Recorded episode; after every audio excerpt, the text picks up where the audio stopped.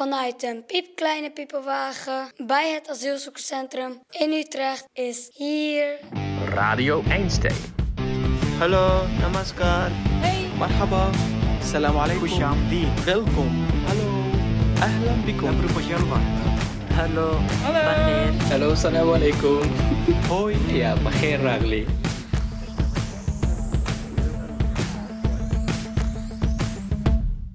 Je luistert naar Radio Einstein, een podcast over het leven in en rond het Utrechtse asielzoekerscentrum. In deze vierdelige serie blikken we terug op bijzondere verhalen uit eerdere seizoenen. En mocht je het verhaal van vandaag al eerder hebben gehoord, wacht dan even tot de aflevering van volgende week. Want dat is een splinternieuw portret van de Nigeriaanse Supreme. Hier is alvast een voorproefje. We heading to Libya, inside the desert. They put us in the back of this Toyota truck. They were speeding like God. We hold our hands. My friend was tapping me like, "Be strong, be strong. This is life. You have to make your way through." My friend was telling me that, yeah, keep on going, sing, sing, sing.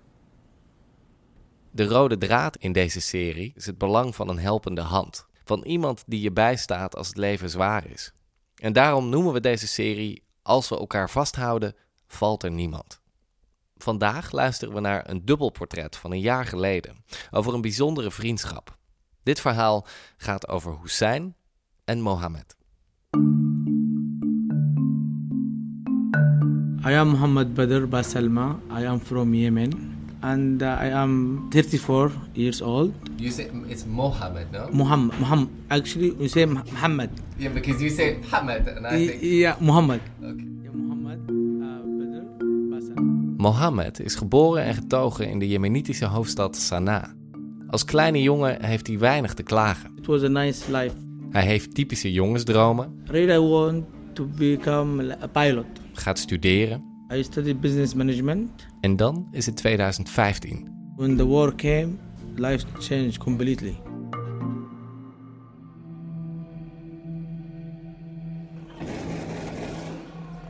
They suffer really in Yemen. So much suffering. From the simple things like from electric. They can't get electric. They can't get water. Even if you go to hospital, no beds. It was tough. Mohammed heeft geluk, want in 2019 krijgt hij de kans om te vluchten naar Europa. Eerst in zijn eentje Yes, for one year and eight months, something like that. en dan kan hij zijn gezin over laten vliegen. It's my family. Yeah, my wife and two daughters.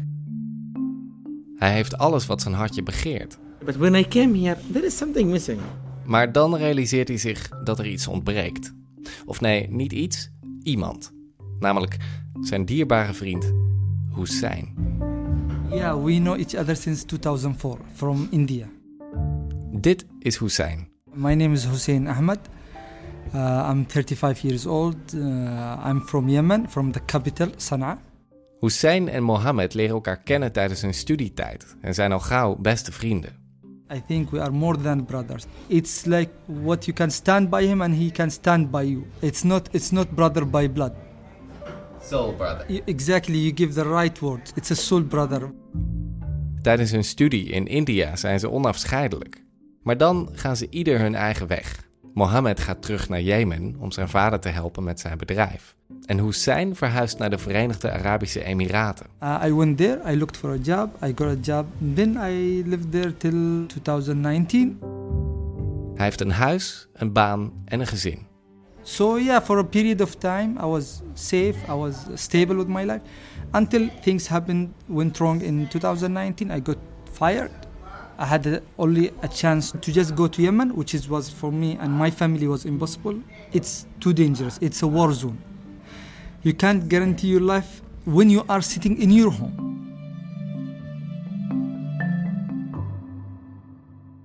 Dan, op een dag dat hij het allemaal niet meer ziet zitten, belt Hussein zijn vriend Mohammed, die op dat moment in Snake woont. So I called him. I, I told him, Muhammad, this has happened to me, blah, blah, blah. He said, listen, try to apply for a visa to Netherlands. It could be a way out of not going to the war. I said, okay. Zodra hij heeft opgehangen, voegt Hussein de daad bij het woord. So I, I applied for the visa. I did everything very fast. They said you need two working weeks to get your answer. I was waiting. Een paar dagen later belt Hussein opnieuw naar Mohammed. So yeah, I called him. He was in the bibliotheek. I was in the bibliothek. I was in the bibliothek, in the library. De bibliotheek. Bibliothek, yeah. In the library, in Snake. I was in Snake. I was talking to him in the phone. Terwijl Mohammed door de bibliotheek wandelt, vertelt hij Hussein over zijn nieuwe leven en over de Nederlanders. Die de eigenaardige gewoonte hebben om je te begroeten, ook al kennen ze je helemaal niet. I told them, Hussein, you know Dutch people, they're very kindly. Hi, hi, hi. Hussein, all people they're saying hi to me. Hi, hi, hi. Really, Muhammad, really? All people hi. But in our culture, our, not hi, like like German, you know. Hussein, everyone is saying to me, hi, hi. No, Muhammad, definitely I will come. I said, yeah, then I'm coming.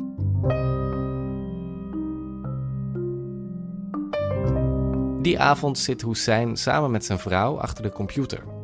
Ze besluiten Nederland gewoon maar eens te googelen. When I googled, first thing came the Tulips uh, Festival. And uh, the windmill, and, uh, and the river, the canals. The more I dig, the more I find. When I saw, I, I, I thought to myself, I had no chance to go to this heaven. It was for me heaven. Green, nice. It's very beautiful country. Hussein kan het niet laten om de plaatjes van Nederland te vergelijken met de Verenigde Arabische Emiraten, waar hij de afgelopen tien jaar heeft doorgebracht. It's very hot. They have sky towers. They have everything modern. They have greens, but there is no history. To Google this and to see this kind, I thought not not to watch too much, then to get more disappointed that what I'm already disappointed that I'm going. I might go back to Yemen. I told to my wife, close it. Let- Let's not get too ambitious. De twee weken gaan tergend langzaam voorbij. Hij spreekt een vriend wiens visum voor Nederland onlangs nog is afgewezen. and he get rejection. So I told my wife, listen, whatever God is designing for us, He knows better. En dan is het zover. I got the message. It was just your pass, your passport is ready for collection. You go. I was afraid. Then I opened. I saw the visa. I said Kingdom of Netherlands. I don't know why. I got more afraid. I was like, you know, I don't know what what, what will happen. At that time, yeah, when I called him, I said, Muhammad, I got the visa. Now wha- what's next? He said, nothing. Book your ticket and come.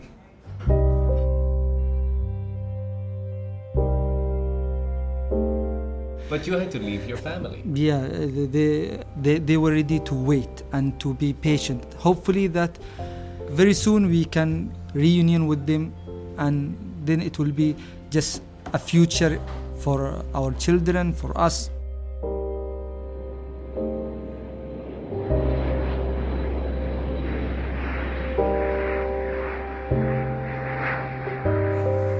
Good morning, ladies and gentlemen. A share with KLM flight 2649 Als Hussein aankomt op Schiphol, zit Mohammed hem op te wachten.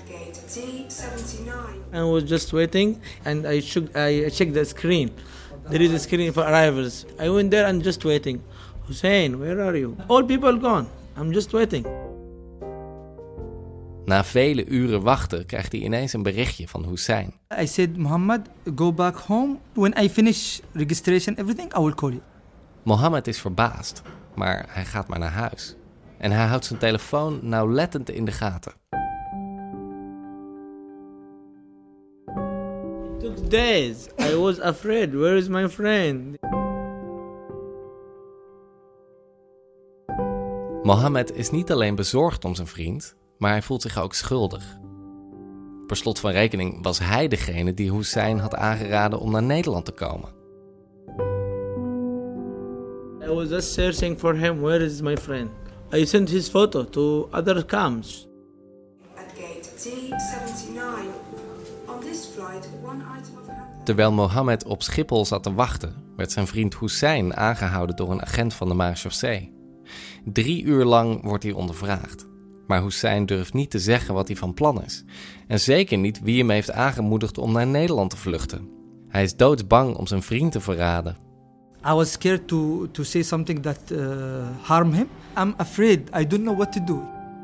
De agent is vriendelijk en heel geduldig, maar hij blijft maar vragen wat zijn plan is. En Hussein blijft op de vlakte. Tot de agent begint te dreigen om hem terug te sturen als hij niet eerlijk is. Then I said, okay, I will tell you. Uh, I, I'm here asking for protection because I know we can go back because it's a war zone. He, he was writing, then he just cut the paper. He said, You are safe now. This is, I knew from the very, very beginning that you want to ask, but I'm not allowed. But I tried to help you, and yeah, Ah, so the official procedure was you had to I, I had to say the Ask. words. What were the words Like, I'm here to ask for protection, I'm here to ask for asylum. I'm asylum seeker. want to say this. Uh, because I thought it's not he, it's not the place where to ask. Hij stuurt zijn vriend in de gauwigheid een berichtje om hem gerust te stellen. En dan worden zijn spullen ingenomen, waaronder zijn telefoon. Hij heeft weliswaar een visum, maar ja, procedure is procedure. Acht dagen blijft hij in een asielopvang naast Schiphol. En dan wordt hij samen met Hamza, een andere asielzoeker, in een auto geduwd en naar het AZC in Deventer gereden.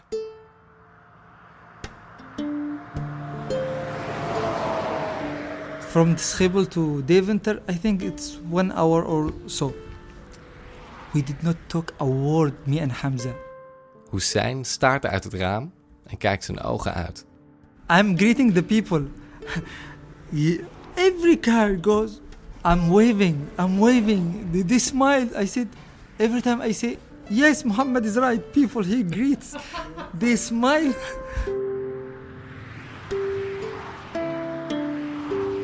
It's nice. The the highway, everything is safe. This is one of the my very first impressions. When I reach the SSA, I see people looking at me.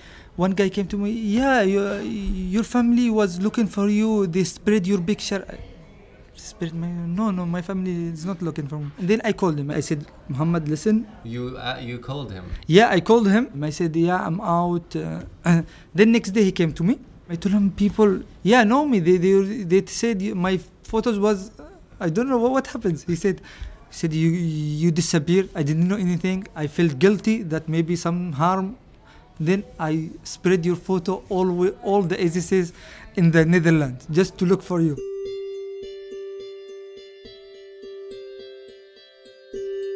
This proves that he's more than a brother. Als Mohammed na acht dagen eindelijk door Hussein wordt gebeld, is hij door het dolle heen. You know, I was happy better than when I got married. That yeah. It was a nice time because when I went out, it was the 23rd of April. And three days after that was the Koningdag here. And he Ah. took me to Amsterdam. Four days, 27. Yeah.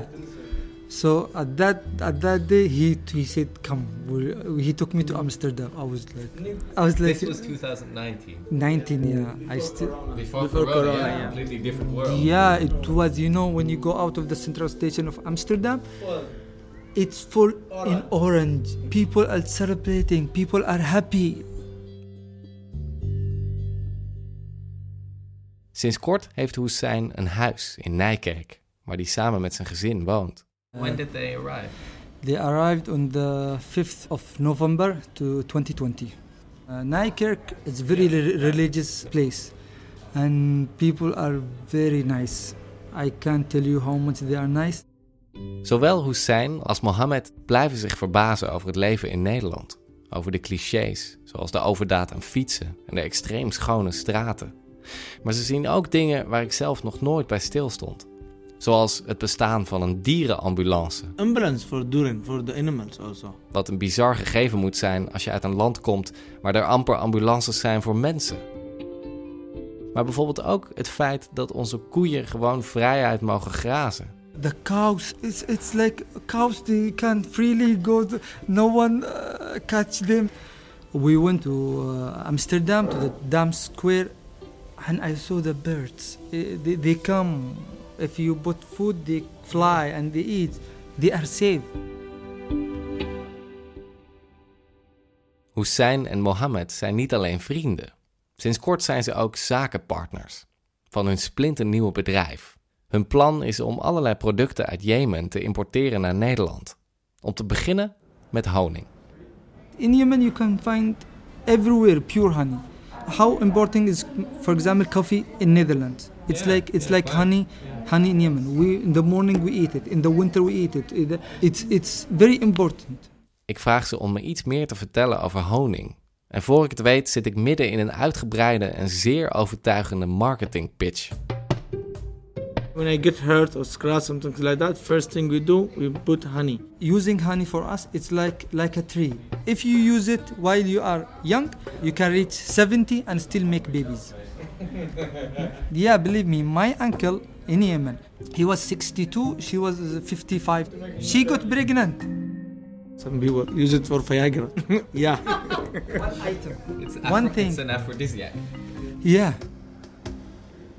And once we ac- accomplish this, we go to the another big plan, which is coffee. After coffee, we have a plan for tuna. We did not talk about tuna. Yemeni tuna is the most important tuna.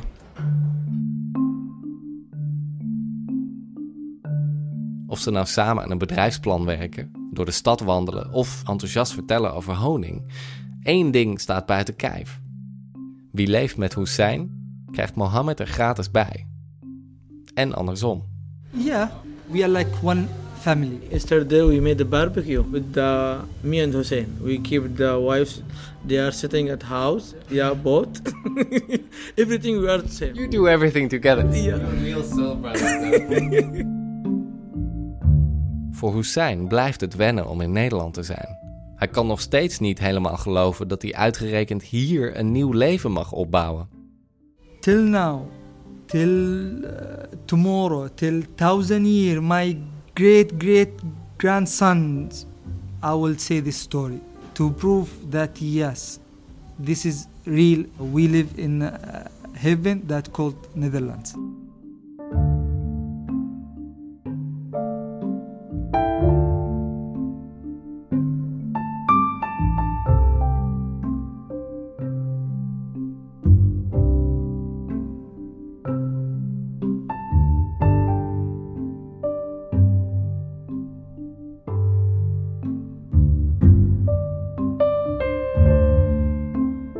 Tot zover het verhaal van Hussein en Mohammed. Voor meer verhalen van Radio Einstein ga naar radioeinstein.nl en laat ons gerust weten wat je van deze of andere afleveringen vond. Radio Einstein is een initiatief van Stut Theater en wordt mede mogelijk gemaakt door de gemeente Utrecht en Plan Einstein. Radio Einstein wordt gemaakt door mij, Micha Kolen, Rian Evers, Mariska Minne en Lilian Vis-Dieperink. Met veel dank aan Hussein en Mohammed en aan Marceline van Marceline's Good Company. Dank voor het luisteren en tot volgende week voor meer verhalen.